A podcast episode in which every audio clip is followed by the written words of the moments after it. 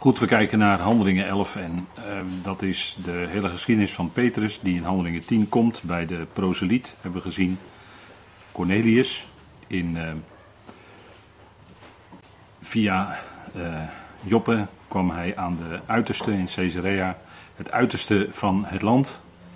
En zo ontmoette hij de proseliet, zoals we dat noemen, de proseliet van de poort. Dat is mensen die genaderd zijn en kennis gemaakt al hadden met de God van Israël. En ook die God dienden. Eh, proselieten van de poort die waren niet besneden, dus die deden niet eh, ook mee aan alle feesten en alle voorschriften. Maar waren wel degelijk, eh, Cornelius stond bekend als iemand die wel degelijk eh, zijn eh, goede gaven gaf aan eh, Joodse mensen daar. En hij deed goed aan het volk en dat was onder de Romeinen wel anders in die tijd het laatste gedeelte willen we vandaag met elkaar de laatste versen van dat hele gebeuren. Want Petrus is dan bij Cornelius uh, geweest en daar heeft hij een menigte toegesproken. De Heilige Geest viel op die menigte. En als gevolg daarvan, en dat waren dus proselieten, het waren dus mensen uit de heidenen om het zo maar te zeggen, maar wel proselieten, dus al tot de God van Israël. En de Heilige Geest viel op hen en als gevolg daarvan, Petrus ziet dat en hij doopt ze in water nadat hij gezien had dat hij, ze in de Heilige Geest gedoopt waren. En hij moet zich vervolgens gaan verantwoorden bij de gemeente in Jeruzalem, omdat hij toch eh, zomaar, als het ware, tot mensen was gekomen uit de andere volkeren. Dus buiten Israël naar de andere volkeren gegaan. En dat moest hij verantwoorden. En dat doet hij in, uh, in, uh, in Handelingen 11. Daar verhaalt hij uitvoerig wat daar gebeurd was. En ze werden overtuigd. En dan vallen we in vers uh, eh, 16 en 17. En daar zegt hij tegen de aanwezigen in Jeruzalem. Dus hij moest bij de leiding van de toenmalige koninkrijksecclesia, zoals we dat noemen. In Jeruzalem moest hij zich verantwoorden. En dan zegt hij. Nu werd ik herinnerd aan de uitspraak van de Heer. Toen Petrus dus dat hele gebeuren zag bij Cornelius. Toen zei hij. Johannes doopt inderdaad met water dat had de Heer Jezus gezegd. Johannes doopt inderdaad met water. Jullie echter zullen gedoopt worden in Heilige Geest. Dat herinnerde Petrus zich toen hij zag dat die Heilige Geest viel op die aanwezigen daar, bij Cornelius in Caesarea. Toen herinnerde hij zich dat de Heer Jezus dat gezegd had.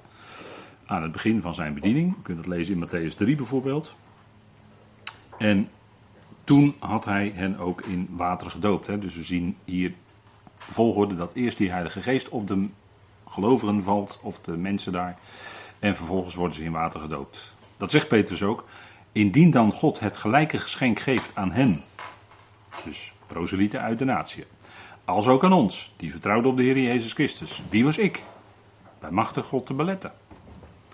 Daar hadden ze natuurlijk, konden ze geen antwoord, want Petrus was de leider van de besnijdenisapostelen, dus de Ecclesia in Jeruzalem en de oudsten daar, die konden daar natuurlijk geen bezwaar tegen hebben, want dit was, dit was wat het is. En dit was waarheidsgetrouw wat Petrus hier vertelt. Die geestesdoop, en ik heb het hier op deze dia ook bijgezet, die geestesdoop, wat doet hij? Net als de waterdoop was een beeld van reiniging. Het was natuurlijk niet een letterlijke reiniging, een innerlijke reiniging, maar de waterdoop was een uiterlijke reiniging aan het vlees. En maakte de dopelingen één met, degene, met de doper. Dus degene die door Johannes de Doper gedoopt werden, werden als het ware daardoor één met Johannes de Doper. Met die hele groep die daar ontstond. En de Heer Jezus doopte ook. Hè. Net zoals vroeger, zegt Paulus in 1 Korinthe 10, de Israëlieten in de wolk en in de zee werden gedoopt, zegt hij in 1 Korinthe 10. Hè? En daarmee werden zij als het ware kwamen zij los uit Egypte. Ze werden verlost uit Egypte door die doortocht door de Rode Zee. Maar Paulus zegt in 1 Corinthië 10 later dat het in feite een doop was. Terwijl ze helemaal niet nat werden, want ze hadden een droog pad door de Rode Zee heen.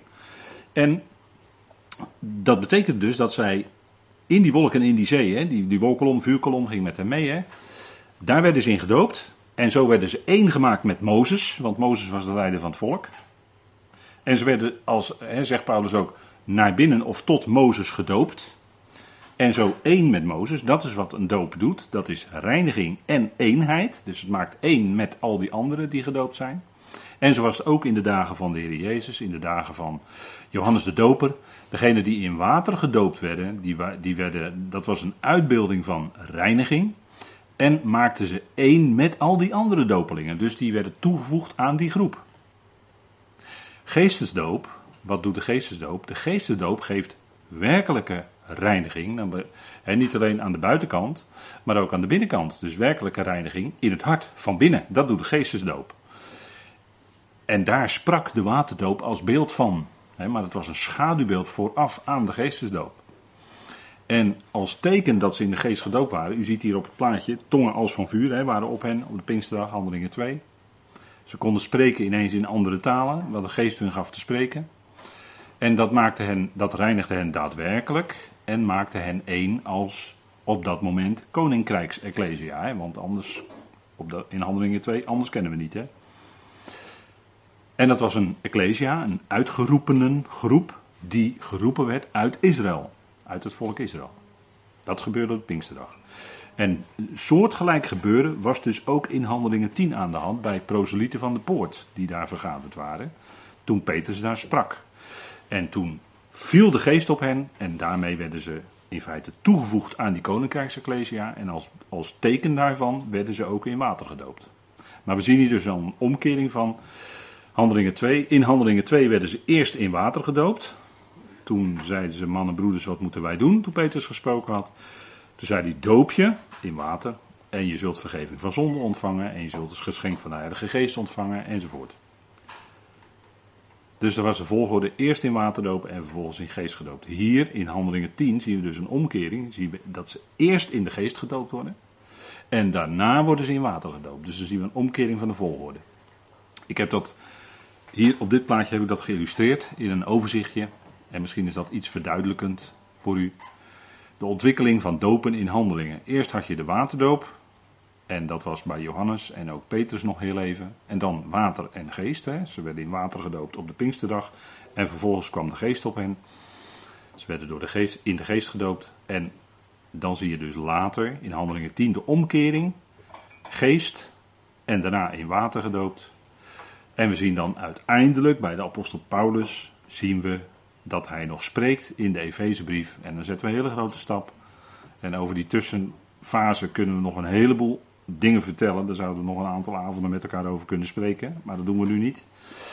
Maar dan zetten we een hele grote stap. En Paulus die spreekt in de volkomenheidsbrief, de Efezebrief, over één doop. En dat kan maar één doop zijn, dat is die in de geest. Dat is geen andere mogelijkheid. Ook gezien het tekstverband daar. En ehm, ik verwijs u dan naar een stukje over de doop wat ik op mijn website heb staan, wat ik heb ingesproken. Daar ga ik er dieper op in. En daar komt ook heel duidelijk in naar voren dat er in deze tijd geldt er één doop. En dat is niet mis te verstaan. Er staat gewoon één. Dat is dus geen twee. En als je ook in water zou dopen, heb je twee dopen en niet één. Dus ik denk dat dat heel simpel is. Ik denk dat het heel eenvoudig is. Eén doop. Efeze 4, vers 6. En dan zegt hij natuurlijk: één verwachting, één geloof, één God en Vader, één Heer Christus Jezus. En ze wordt allemaal één, ook één doop, dat kan alleen maar de geest zijn. Dat is geen andere mogelijkheid. Het is daar de eenheid van de geest. En daar kun je niet uh, iets nog aan toevoegen achteraf. Dus ik denk dat dat luid en duidelijk is wat de schrift daar zegt. En daar houden we het op. Dus we zien hier een ontwikkeling. Hè? Dat, dat is uh, bijzonder als je dat zo even in kaart ziet. Hè? Eerst water, dan krijg je water en geest. Dan geest en water en vervolgens alleen geest. Dat is de hele ontwikkeling, dat is de lijn die we uh, zien, heel duidelijk. En ik denk dat daar ook uh, ja, geen misverstand over hoeft te bestaan. Goed, gaan we naar vers 18. En het is toch eigenlijk wel bijzonder, denk ik, dat we hebben hier in handelingen deze studies hebben we vorige maand eigenlijk niet gehad. Hier door omstandigheden is het overgeslagen. En uh, dus in april hebben we hier de laatste studie gehad, handelingen. En nu zetten we de studie voort. En, in de tussen, en we hebben het in de studie, dat is natuurlijk niet bedacht of uitgezocht door mij of wat dan ook, helemaal in tegendeel. We hebben het in deze studie over dopen in water en dergelijke, en geest enzovoort. En in die tussentijd is er een hele discussie geweest, intern, over dopen enzovoort. Ik vind dat toch wel bijzonder. Terwijl we in handelingen dus met deze dingen bezig zijn. Hè? Ik denk dat het niet voor niks is. En ik denk dat de lijn ook heel duidelijk mag zijn. Die we trekken. Niet wij trekken die. Nee, de schrift laat dat zien. Niet wat we zelf zeggen of wat een uitlegger zegt is belangrijk. Nee, wat de schrift zelf aangeeft, dat is belangrijk natuurlijk. En de schrift laat dit zien. Eén doop in deze tijd en dat is de doop in de geest. Daar is geen misverstand over. Goed, gaan we verder in uh, vers 18 van Handelingen 11. En er staat: Deze dingen dan gehoord hebbend, waren zij rustig en verheerlijkte God. Dat is dus die Ecclesia in Jeruzalem. Die verheerlijkte God, zeggend: Dus ook aan de natieën geeft God de bekering ten leven. En wat zien we hier? Dit lijkt een mooie uitspraak en dit lijkt een blije uitspraak van die Ecclesia-mensen daar, waarschijnlijk de leiders van die Ecclesia, maar ze misten hier het punt, hè? Ze misten hier het punt. Wat was nou het punt? Petrus had gesproken, en u, als u uh, tijd heeft, dan kunt u die toespraak van Petrus nog eens nalezen in Handelingen 10. Petrus had in heel zijn toespraak tot die proselieten daar niet gesproken met het woord bekering. Waarom niet? Omdat het geen Israëlieten waren. Israël had bekering nodig, had omkering nodig, moest terugkeren naar Yahweh enzovoort. Maar de mensen uit de natieën, ja, dit waren al mensen die waren genade tot de God van Israël, proselieten van de poort, die hadden geen bekering nodig. Vandaar dat Petrus in zijn toespraak dat woord bekering ook niet noemt. En nu doet hij verslag in Jeruzalem. En nu zeggen ze in Jeruzalem, nou fantastisch, God heeft aan de natieën ook bekering gegeven ten leven. Nee, dat is helemaal niet aan de orde. Het was helemaal niet aan de orde. Petrus had het woord ook niet gebruikt. Dus hier zien we al het tekort aan inzicht, aan geestelijk inzicht, wat die leiders van die Ecclesia in Jeruzalem hebben. Ze hadden niet in de diepte door wat daar werkelijk vanuit God gebeurd was.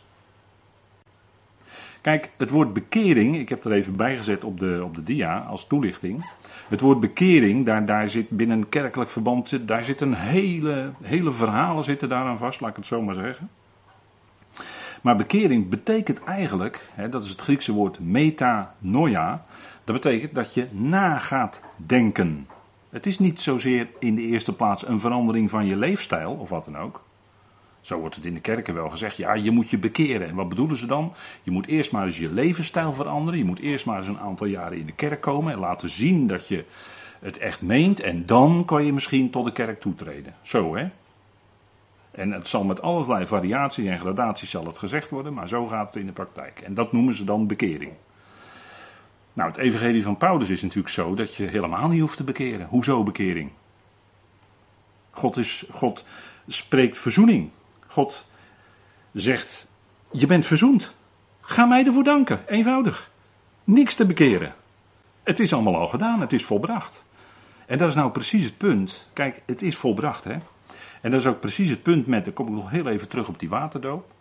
Dat is nou het hele punt waar het om draait. Kijk, aan het kruis maakt Paulus in zijn latere brieven duidelijk wat de diepe betekenis ervan is. Dat aan het kruis werd het vlees van de mens volledig afgesneden. Dat was niet de besnijdenis van Jezus, maar dat was de besnijdenis van Christus. Die, dat vlees, dat oude werd daar afgesneden, die oude mensheid, was mede gekruisigd. Daarmee is een einde gemaakt aan al wat te maken heeft met die oude mens. Heeft, is een einde gemaakt aan al wat te maken heeft met het vlees. En dat wordt bestreden, maar wat doe je als je alsnog in water laat dopen? Dan doe je toch nog iets met het vlees. En dat is nu eenmaal afgesneden. Het kruis, het woord van het kruis, maakt daar een radicaal einde aan. Het is volbracht. De Heer zei het aan het kruis. Het is volbracht. Niets te doen, o zondaar, nee, nee, inderdaad, niets te doen. Alleen ga God danken op je blote knieën voor die geweldige redding die hij geeft. Dat is het, hè. Het kruis maakt een einde aan al onze menselijke pretenties, maakt een einde aan al wat wij mensen nog menen te moeten doen. En wij willen tot het uiterste nog volhouden dat we iets willen doen. Kan niet. Kan niet.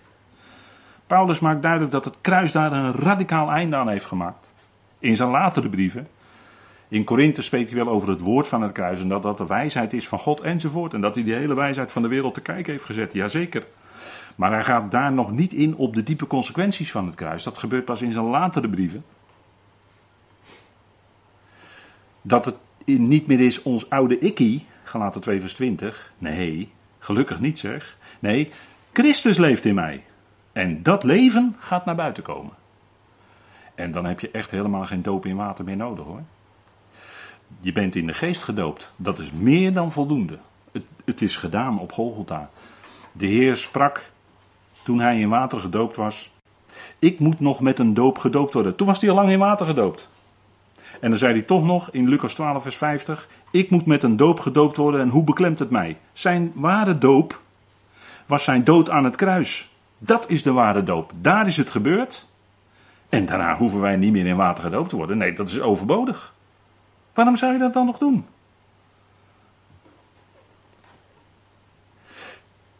Punt is dat ook hier heeft hier al in deze fase van de ontwikkeling van Gods plan, waarin je in, ook in het boek Handelingen duidelijk een ontwikkeling leest van vlees naar geest, van het zichtbare naar het onzichtbare, van het materiële naar het geestelijke. Ook die ontwikkeling kun je zien in Handelingen als je goed leest. En hier is al niet eens meer bij de natie een bekering aan de orde. Daar vergisten de mensen in, de, de leiders van de Ecclesia in Jeruzalem, die vergisten zich daarin. Kijk, mensen uit Israël, Joodse mensen, die bekeerden zich met Pinksteren. Maar Petrus predikte dat niet, predikte dat niet in Handelingen 10. Weet u wat nou het punt is? Als we Handelingen lezen, en u heeft hoofdstuk 2 gelezen, en u bent aan het lezen en u komt in Handelingen 10, dan bent u wel weer vergeten wat er in Handelingen 2 stond. Dat, dat is ons probleem als mensen. Maar daarom heb je dat nodig dat je af en toe door iemand misschien erop gewezen wordt, een, een uitlegger die daar goed in kan schrijven, dat je daarop gewezen wordt en dat je ineens je ogen open gaan voor die dingen. En ik denk dat dat uh, bijzonder is, hè? dat we dat met elkaar mogen beseffen. God heeft aan de natieën bekering gegeven ten leven.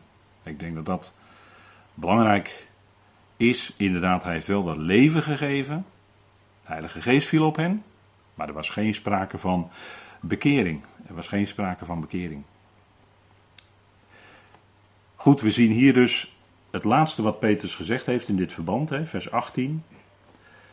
Wat over Petrus en zijn bezoek in Jeruzalem eh, gemeld wordt. En in vers 19 gaan we dan verder. En dan komt er dus een. De, de verhaallijn van Petrus eindigt hier heel eventjes in handelingen. En later in Jeruzalem zien we hem weer in handelingen 12. En dan wordt hij gevangen genomen en verlost. Maar daar komen we nog op, dat gaat vanavond niet meer lukken. Maar wel zien we hem ook nog uh, in Handelingen 12 en uiteindelijk als laatste in het apostelconvent in Handelingen 15. En daar is Petrus dan ook in Jeruzalem. En daar zien we dan ook nu de, nog steeds, hè, nog steeds is uh, het, het, Jeruzalem wat er nu is, dat is daar.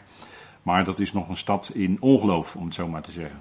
als je daar komt, dan merk je dat daar nog geen geest in zit. Israël is nog niet wedergeboren, dat is nog toekomstmuziek. En Peters, die verhaallijn van Peters, die komt hier dus langzamerhand ten einde, om het zo maar te zeggen. Goed, even een kort overzichtje van de komende versen eh, in Handelingen 11. Eh, Daar zien we in de prediking door Cyprioten, daar komen veel mensen tot geloof. Prediking door Barnabas. En er worden vele toegevoegd. En daarna de prediking van Barnabas en Saulus. En dan gaat die boodschap die gaat dus verder. Hè? Want handelingen, eh, dat is misschien wel even goed om te zeggen. Toen de Heer Jezus van zijn discipelen zou weggaan, toen sprak hij veertig dagen lang met hen over de dingen die het koninkrijk van God aangaan. En toen vroegen die discipelen, uh, Heer, zult u in deze tijd of in deze dagen, zult u dan het koninkrijk aan Israël herstellen? En uh, in feite, de Heer gaf daar niet echt duidelijk antwoord op. Hij zegt, het is niet aan jullie, het is, niet, het is aan de Vader. Maar in feite geeft het hele boek Handelingen geeft antwoord op die vraag. Van hoe zit dat nou met die voortgang van dat koninkrijk. Nou, dat lees je dus terug in Handelingen. Dus dat hele boek Handelingen, dat is wel even goed om dat met elkaar nog even een keer vast te stellen. Dat spreekt in feite over de ontwikkeling van het koninkrijk, zoals het aan Israël beloofd was. En hoe dat dan met die boodschap gegaan is. Het koninkrijksevangelie noemen we dat. En wat daarvan de resultaten waren. En het hele boek Handelingen dus, tot en met hoofdstuk 28, geeft daar antwoord op. En we zien dus wel ontwikkelingen die uh, leken een, een, uh, een, die gaven een bloeitijd weer, hè, maar dat is natuurlijk tijdelijk. Um, en dan lezen we in Handelingen 11 vers 19, daar gaan we dan in verder. Zij inderdaad dan die uiteengedreven waren door de verdrukking die plaatsvond vanwege Stefanus. U weet, Handelingen 7, daar hebben we ook naar gekeken. Er werd Stefanus gestenigd. En hij bad zelfs toen hij gestenigd werd. Vader vergeef het hun, want ze weten niet wat ze doen. En daarin volgde hij zijn Heer na, die dat ook bad aan het kruis. Dat is indrukwekkend hoor. Op het moment dat jij gestenigd wordt, ga je bidden voor degene die jou stenigen. Dat is wat, hè? Dat moeten we even tot u door laten dringen. Dat je dat kunt, hè? Een, een gewoon mens kan dat niet. Maar als die geest in je werkt, die geest van God, dan kun je dat. Vader vergeef het hun, want ze weten niet wat ze doen. Toen ze de Jezus aan het kruis sloegen, toen wisten ze ook niet wat ze deden. Ze wisten niet wie, wie dat was. Ze wisten niet wie hij was. En ze sloegen hem aan het kruis, hun, hun eigen Messias notabene. Zo ook met Stefanus, man vol van heilige geest. En hij gaf een geweldige toespraak. Maar door die toespraak heen prikte de heilige geest in hun harten. En dat pikte ze niet. En hij werd gestenigd. En Saulus stond daarbij, paste op de mantels. Met instemming zag hij hoe Stefanus gestenigd werd. Saulus, hè? Saulus van Tarsus. Fanatieke jongen hoor toen. En toen ontstond er, na die uh, steniging van Stefanus, wat ook een markering is van afwijzing door de orthodoxie van Israël van de aanbod van het koninkrijk, het evangelie van het koninkrijk. Dat is zo'n afwijzingsmoment. Je hebt een paar van die kenmerkende afwijzingsmomenten in handelingen. En toen ontstond er een grote vervolging en de discipelen, de gelovigen, werden verstrooid. En dat zullen we even met gaan lezen, handelingen 8, vers 1. Dat kunnen misschien even erbij pakken, handelingen 8, vers 1. En er staat, en Saulus stemde in met zijn dood. Ik heb het net gezegd, hè. En Saulus stemde in met zijn dood, handeling 8 vers 1. En er ontstond op die dag een grote vervolging tegen de gemeente die in Jeruzalem was. En ze werden alle verspreid over de landstreken van Judea en Samaria, behalve de apostelen. Dus je ziet, als gevolg van zijn steniging ontstond er een grote vervolging, waar ongetwijfeld Saulus ook deel in heeft gehad, kun je zo vermoeden, tegen de gemeente die in Jeruzalem was. En ze werden verspreid naar Judea en Samaria. En u ziet hier op het kaartje, als u op het kaartje even kijkt, dan ziet u natuurlijk dat Judea en Samaria, dat is vandaag de dag natuurlijk nog steeds zo, ook weer omstreden gebied hè, in Israël. Judea en Samaria, dat is natuurlijk de omgeving van Jeruzalem. En um, daarin, dat is eigenlijk het, het, hart, het hartgebied van het hart met een T, het hartgebied van Israël rondom Jeruzalem, daar draait het allemaal om. En daar werden de gelovigen naartoe verstrooid, behalve de apostelen. Dat gebeurde en daar gaat dus handelingen 11 vers 19 op door. Degenen die toen verdreven waren door de verdrukking, hè, want een gelovige, iemand die de schriften gelooft, iemand die God gelooft, die zal vroeg of laat, op welke manier dan ook, een stuk verdrukking, lijden en vervolgingen ondervinden. Om, omwille wat jij gelooft. Omdat jij een gelovige bent, überhaupt. Verdrukking, vervolging en lijden. Dat kan kleinschalig zijn in je eigen familie. Kan ook groter zijn. Dat je de geestelijke stenen naar je hoofd krijgt. Maar het gebeurt. Paulus zegt ook later tegen Timotheus: Allen die in Christus Jezus godvruchtig willen leven, die zullen vervolgd worden. Dat, dat, is, helemaal zo. En dat woord vervolgen is uh, achterna gezeten worden. Hè? Jagen, kan je het ook mee vertalen. Ze, ze jagen je na om wat je gelooft. En dat is ook bij de apostel Paulus zo. En hier, God werkte ook hier doorheen. Hè? Want wij zeggen ja, dat ze verstrooid werden en verdreven werden, dat is negatief. Ja, aan de ene kant wel, maar we zien ook, en daar hebben we het afgelopen zondag ook met elkaar over gehad eh, met een drietal voorbeelden dat eh, God het is die alles bewerkt in overeenstemming met de raad van zijn wil. En ook dit moest daar zijn, want hoe werkte God dit uit? Kijk, die mensen werden verdreven, verstrooid. Maar hoe werkte zich dat uit? En dat is eigenlijk ook wel een beetje humor van God, denk ik wel eens. Dat ze daar op de plek waar ze waren, hielden ze natuurlijk hun mondje niet. Maar gingen ze gewoon door met vertellen over de Heer Jezus. En ging dat woord dus ook met die gelovigen mee zich verspreiden. Dus eigenlijk ook wel weer zoiets negatiefs, daar komt dan toch weer iets moois uit voor. Dat woord gaat verder. En dat is ook eigenlijk wat Paulus zegt. Hè? Kijk, dat woord van God is niet gebonden. Kijk, ze kunnen iemand die stellig dat woord spreekt en echt dat woord wil naspreken, zo iemand kunnen ze vervolgen. Die kunnen ze misschien zelfs zo ver vervolgen dat het zwijgen wordt opgelegd. Maar denk erom, Gods woord is niet gebonden. God zal er dan zelf voor zorgen dat het woord toch doorgaat. Dat het woord toch doorgaat. Want het is zijn woord. En je kunt God niet tegenhouden. Dan ben je hoogmoedig hoor. Als jij denkt dat je God kan tegenhouden, dan ben je hoogmoedig hoor. Maar je gaat vanzelf onderuit. Want het woord gaat door en God zal uiteindelijk blijken alles te overwinnen, alles onder zijn voeten te brengen. En zal uiteindelijk alles, ja echt in allen zijn. Allen. Zonder uitzondering. En dat is natuurlijk het geweldige wat we mogen beleiden met elkaar. En daarom loop je eigenlijk altijd als gelovige met een glimlach in je hart. Want je kent die God. En die God, die kun jij niet tegenhouden. Die kan niemand tegenhouden. Hij werkt zijn plan door, dwars door alles heen. En dat is natuurlijk geweldig, hè? Dat is geweldig. En we zien hier ook de verdere vervolging in Handelingen 11. Want ook in Judea en Samaria werden ze verdrukt. En ze verspreidden zich nog verder. En dan staat hier in 11 vers 19. Ze kwamen door tot Fenicië, maar je mag ook zeggen Phoenicië. Dan klinkt het misschien wat bekender. En Cyprus en Antiochië. Dus als je op dit kaartje kijkt dan zie je, en je kijkt even een stukje boven Jeruzalem, dan zie je het gebied Phoenicië staan. En nog verder naar boven toe zie je dan Antiochië. Dan gaat het even nog om Antiochië in Syrië. Hè? Want je had in die tijd twee Antiochieën. Maar dat is het Antiochië in Syrië. Dat is nog iets hoger, vlak bij die bocht, naar Tarsus toe. En eh, wat deden zij? Zij spraken tot niemand het woord, tenzij alleen tot de Joden. Dus u moet hier goed beseffen dat uh, niet aan, uh, aan, aan, aan heidenen per sang, hè, dus niet aan heidenen die afgodendienaars waren, werd overal dat woord nu gepredikt. Nee, zij spraken niemand, tot niemand dan alleen tot de Joden. Dus zij evangeliseerden onder hun eigen volksgenoten, om het zo maar te zeggen. Dat staat hier, hè.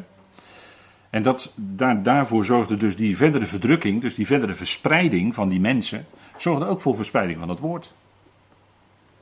Kijk, Phoenicië, dat is eigenlijk het purperland, hè, zou je kunnen zeggen. Daar komt de purper vandaan. U weet wel, Lydia, de purperverkoopster.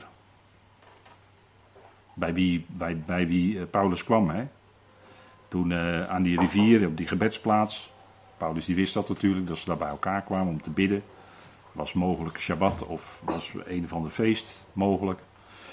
En Lydia, de purperverkoopster, die, uh, dat was een gelovige vrouw. En dan staat er zo mooi dat de Heer opende haar hart voor hetgeen Paulus te zeggen had.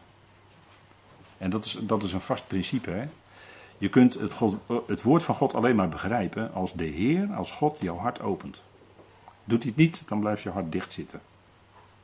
En kijk, dat purper is natuurlijk eigenlijk ook wel mooi, want uh, purper is eigenlijk een combinatie van blauw en rood, zou je kunnen zeggen. Hè? En dan heb je eigenlijk, uh, blauw is eigenlijk een kleur, het komt ook in de tabernakel voor. Uh, blauw is eigenlijk de kleur van de hemel en rood is de kleur van de aarde. Dus purper is dan eigenlijk, zou je kunnen zeggen, de kleur van de middelaar. En purper is ook een koninklijke kleur. Want een koning is in feite ook iemand die zou herder zijn over zijn volk. dat was eigenlijk ook de functie van een koning. Herder zijn over je volk, zorgen dat ze het goed hebben.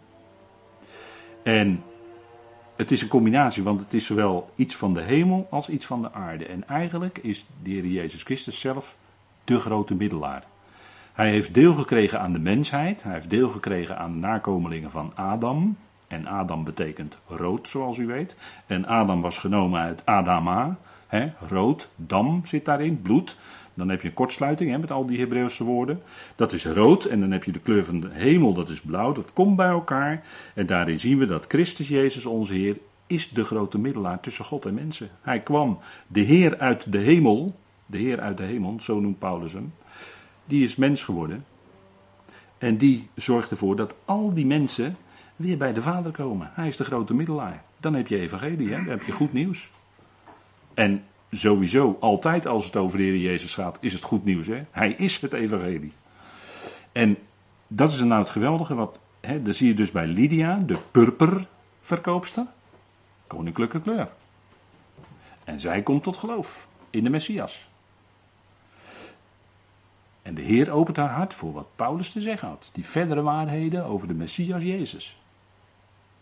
Ja, dat zijn geweldige dingen. Hè? Als je dat even een klein beetje in verdiept. Hè? Wat, en, en ja, als je nog wat verder verdiept kijkt. Purper heeft te maken met een slak, hè? een purperslak. En die zit in een bepaalde boom. Moet je maar eens nazoeken. Ik geef even een paar hintjes. Kun je zelf eens nazoeken. Als je morgen weer in het zonnetje in je tuin zit. Phoenicië, het purperland. Prachtig hè? De Phoeniciërs. Ja, daar valt ook nog wel wat over te zeggen. Phoeniciërs. Maar goed. We gaan verder. Handelingen 11 vers 20. Sommigen nu uit hen waren Cyprische en Sireense mannen die, gekomen in Antiochië, spraken en aan de Hellenisten als evangelie de Heer Jezus verkondigden. Ziet u het? Hij is het evangelie, hè? Als evangelie de Heer Jezus verkondigen. Ja, als het over hem gaat, is het goed nieuws. Kan niet anders. Is altijd zo. En wie waren nou die Cyreneërs, hè, Cyprische, die kwamen van Cyprus af. En dit waren waarschijnlijk toch uh, Joodse mannen. Dat kan eigenlijk bijna niet anders. En de Cyreneërs, die waren eh, van Cyrene, u weet wel, Simon van Cyrene weet u wel, die dat, kruisen, die dat kruisbalk of die kruishouten stuk droeg hè, voor de Heer Jezus. was Simon van Cyrene, hetzelfde. Die kwam daar ook vandaan. En dat was een plaats in ergens tegenwoordige Libië, dat lag aan de kust, aan de Middellandse zeekust, Cyrene.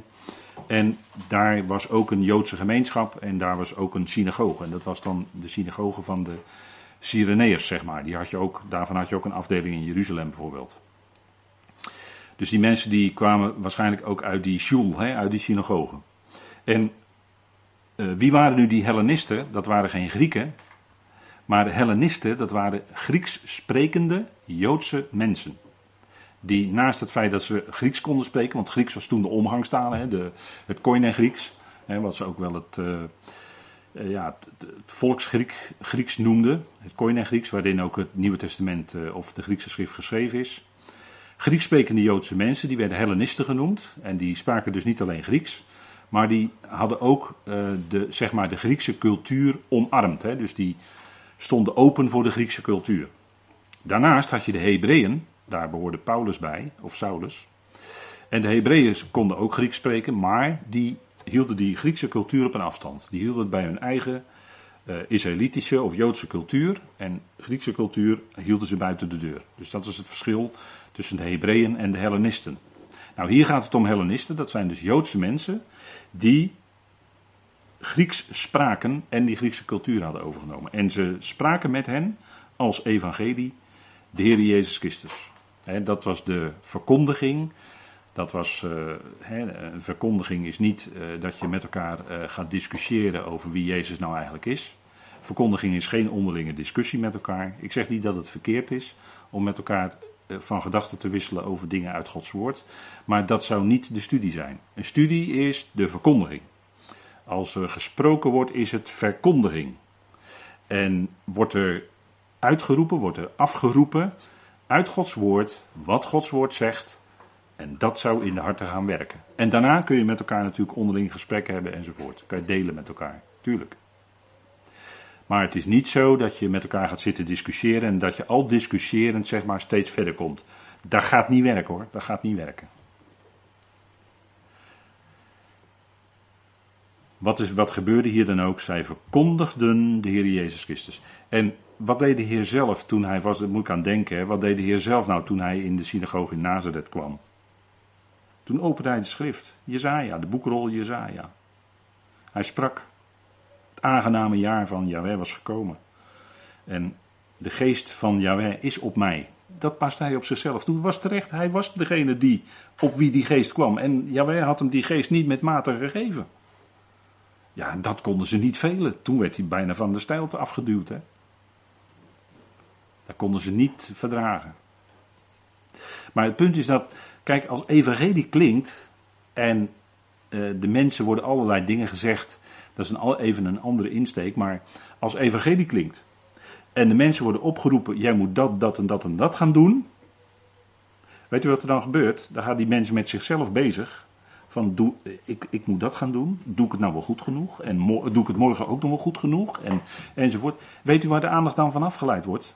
De aandacht wordt dan afgeleid van Christus zelf. En die zou centraal staan in elke prediking. De mens is niet bedoeld, een gelovige ook niet, om steeds maar met zichzelf bezig te zijn van doe ik het wel goed genoeg? Nee, het is precies al, het is, het is juist anders. Hij, die hemelse Heer, die doet het goed. En die werkt zijn leven in jou uit. En dan gaat het goed hoor. Ja, maar ik maak nog zoveel fouten. En dit, we, hebben, we hebben de vergeving van de krenkingen. Een kostbare waarheid. Natuurlijk wil je de Heer niet krenken. Natuurlijk niet. Als je gelovig bent, dan wil je hem niet krenken. Maar toch gebeurt het. En dat is een leermoment, kun je zeggen. Maar het punt is, wat we in Efeze gezien hebben, wij hebben de vergeving van de krenkingen. Daar hoeven we niet, om, hoeven niet eens om te vragen. Dat is al ons geestelijk bezit. Daar kunnen wij dagelijks uit leven. En dan kun je ook echt leven, dan kun je ademhalen. En daarom is de prediking naar Gods woord is dat Christus centraal staat. Als Paulus zijn evangelie gaat spreken in Romeinen 1, waar begint hij dan over de eerste verse? Nou, ik heb het al gezegd tegen u, dus u weet het. Het gaat om hem. Het evangelie van God aangaande zijn zoon, Jezus Christus onze Heer. Dat is het evangelie. En dat wij daar rijk door gezegend worden, door gered zijn door hem enzovoort. Dat is allemaal tot je dienst, allemaal schitterend. Maar het gaat om hem. Hij is het evangelie. En daarom zouden we ook niet zozeer met onze eigen tekorten enzovoort allemaal lopen te tobben, want dat is wat je dan gaat doen. Als er opgeroepen wordt van je moet dit en je moet dat en je moet zus, je moet zo, je mag dat niet, je mag dat niet. Dan ga je allemaal zelf lopen tobben. U kent dat in uw leven, ik ken dat ook uit mijn eigen leven. Maar zo werkt het niet. Daar word je niet vrij. Je wordt vrij als je gedachten, als je hart zich gaat richten op Hem, die Hemelse Heer. Het gaat om Hem. Het gaat ook niet om ons. Hij is belangrijk, wij niet. In die zin. Dat is punt, hè. En daar werd dus de Heer Jezus verkondigd. Natuurlijk, dan is het goed nieuws. altijd. Als het om hem gaat, is altijd goed nieuws. En wat gebeurde daar? En de hand van de Heer was met hen. Bovendien was het aantal groot van hen die geloofden en omkeerden naar de Heer. Dat is wat hier gezegd wordt van deze mensen die hier luisteren en die die prediking horen. Nou, de hand van de Heer rustte daarop. Hij zegende rijk die verkondiging. En er kwamen mensen die kwamen tot geloof, om het zo maar te zeggen. En de Heer bewerkte dat. Het aantal was groot. En kwamen velen tot geloof. Het was een geweldige ontwikkeling. Het is natuurlijk mooi, en dan kun je natuurlijk uh, nu in allerlei samenkomsten gaan oproepen. Dat de Heer misschien wel een opwekking gaat geven. En sorry, ik wil niet negatief doen, maar de Heer gaat in deze tijd geen opwekking geven. Dat werd 30 jaar geleden ook al heel hard gezegd in Evangelisch Nederland. Dat de Heer zou binnenkort wel een opwekking gaan geven. Die is niet gekomen. En die gaat ook niet komen. Waarom niet? Schriften zeggen anders. Weet u wat de schriften zeggen? Ik heb hier de teksten voor u eh, aangehaald. In Lucas 18 zegt de Heer Jezus: Als de zoon des mensen terugkeert, zal hij dan het geloof vinden op aarde? En we zitten heel dicht bij zijn terugkeer. En dan zegt hij: Zal hij dan het geloof vinden op aarde? Nou, wat wij om ons heen zien in de wereld is heel veel ongeloof hoor. Dus het klopt wat de Heer zei. Natuurlijk klopt het. Paulus zegt in 1, 2 Thessalonians 3, Paulus zegt daar, het geloof is niet van allen. Dus niet allen hebben geloof nu in deze tijd. Natuurlijk, God is de redder van alle mensen, maar in deze tijd roept hij uit. 1 Timotheus 4. In de laatste dagen zullen mensen, hè, zullen, dat zijn dan de gelovigen, zullen mensen afstand nemen van het geloof. Doordat zij leringen van demonen en van boze geesten gaan volgen.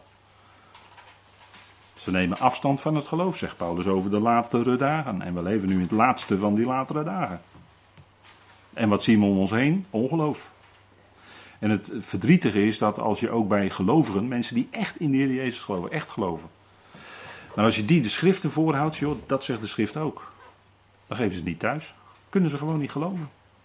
Daar zit de traditie tussen of wat dan ook. Ogen ze zijn op dat punt dan verblind. Kunnen het niet zien.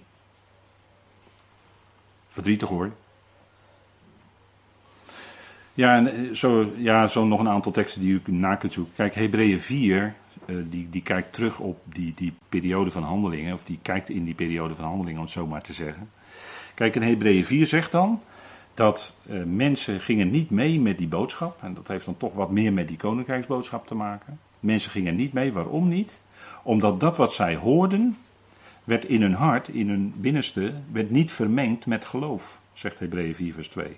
Dus het is ook nog zo dat datgene wat jij hoort, dat, dat zou zich van binnen vermengen met geloof. Ja, en dan ben je er blij mee. Dan word je er blij mee met wat je hoort. Maar het kan ook gebeuren dat het niet zo is. Dat het niet vermengd wordt met geloof van binnen. Dat gebeurt ook natuurlijk bij mensen. En dan komen er allerlei redeneringen en allerlei, noem maar op. Maar hier was er nog een hele mooie ontwikkeling in Handelingen 11, om daar even naartoe terug te keren. En zij keerden zich om naar de Heer. Dat is dan een hele ommekeer in je leven. Vers 22. Het verslag nu aangaande hen werd gehoord in de oren van de uitgeroepen gemeente, die in Jeruzalem was. En zij zonden Barnabas uit tot Antiochieën. Dus die gemeente Jeruzalem die hoorde van die ontwikkelingen daar, mooie ontwikkelingen. Veel mensen die zich daarbij aansloten. En ze dachten er goed aan te doen op Barnabas. Die heette eigenlijk Jozef.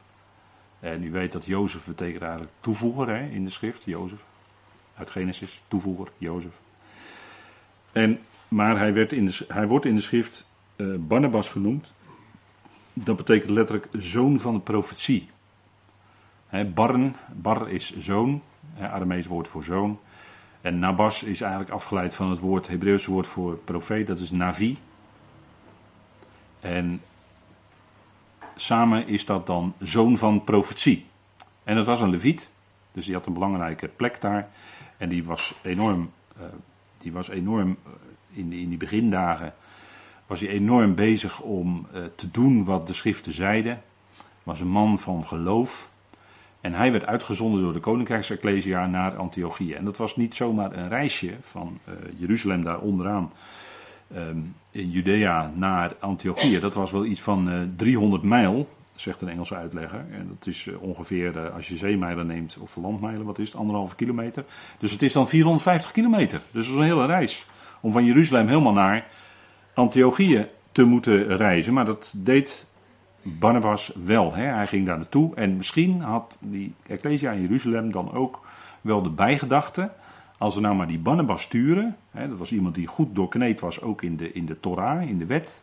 Dan zou hij die gemeente daar, die Ecclesia die daar ontstond in Antiochië, die groei.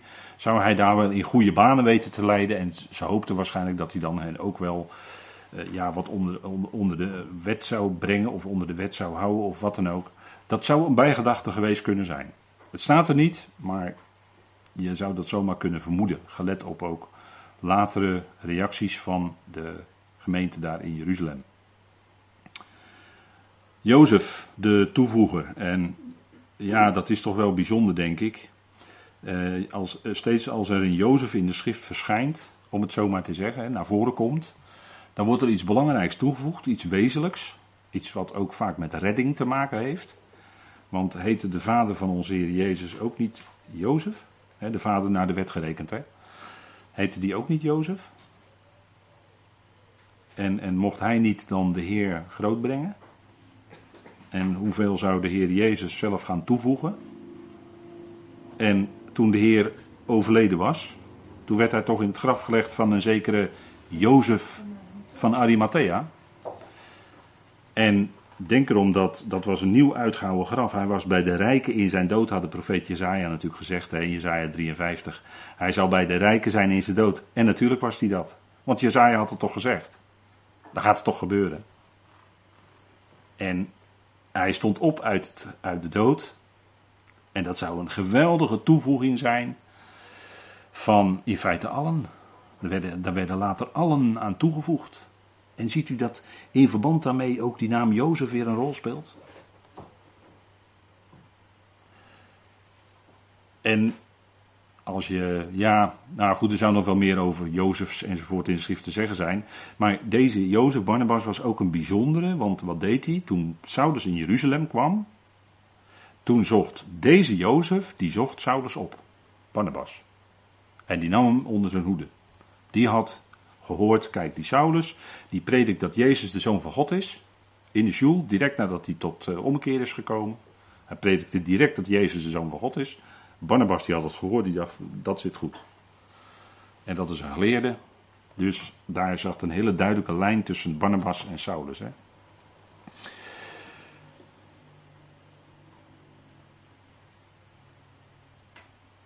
En die arriveerde daar in Antiochië. En die zag daar de genade van God. Want dat, wat daar werd toegevoegd aan mensen is natuurlijk genade van God. Ieder die toegevoegd wordt, is genade van God. En genade is natuurlijk heel mooi, want kijk, genade sluit eigen werken uit. Dat vind ik altijd, altijd prachtig, hè, als Paulus dat zegt.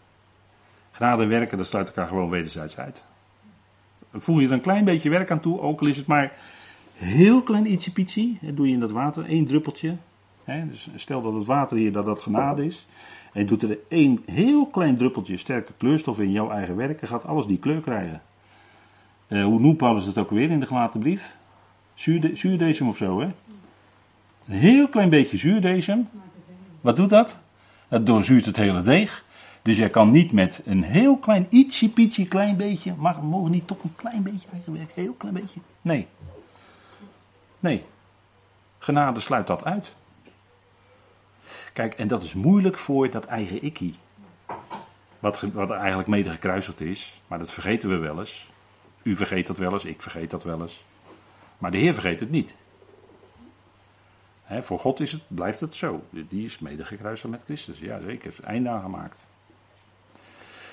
Maar dat, dat kleine ikkie vergeet het wel eens en wil toch een heel klein beetje, weet je wel, zelf toch iets. En dan ook om de hoek komt ook nog even kijken, zo heel klein beetje eigen eer, weet je wel. Maar daar heeft de Heer ook een einde aan gemaakt. En eh, weet u dat genade maakt daar een einde aan. Ook aan eigen eer van de mens. En daarom is genade, en de, de zuivere genade die Paulus verkondigt, daarom is die boodschap die Paulus verkondigt ook een moeilijke boodschap. Waarom? Het is moeilijk voor het vlees. Het raakt, het raakt jouw ik. En het kruis raakt jouw ik heel hard hoor. Er blijft gewoon niks van over. En daarom is, die, is dat evangelie van de gekruisigde Christus. En daar hebben we hiervan een heel mooi boekje liggen. Een heel mooi boekje. De gekruisigde Christus, Jezus Christus de gekruisigde. Daarom is dat een moeilijke boodschap, ook voor gelovige mensen. Want die hebben nog niet het einde gezien van hun eigen ik, van hun eigen vlees. En daarom dit boekje van harte aanbevolen.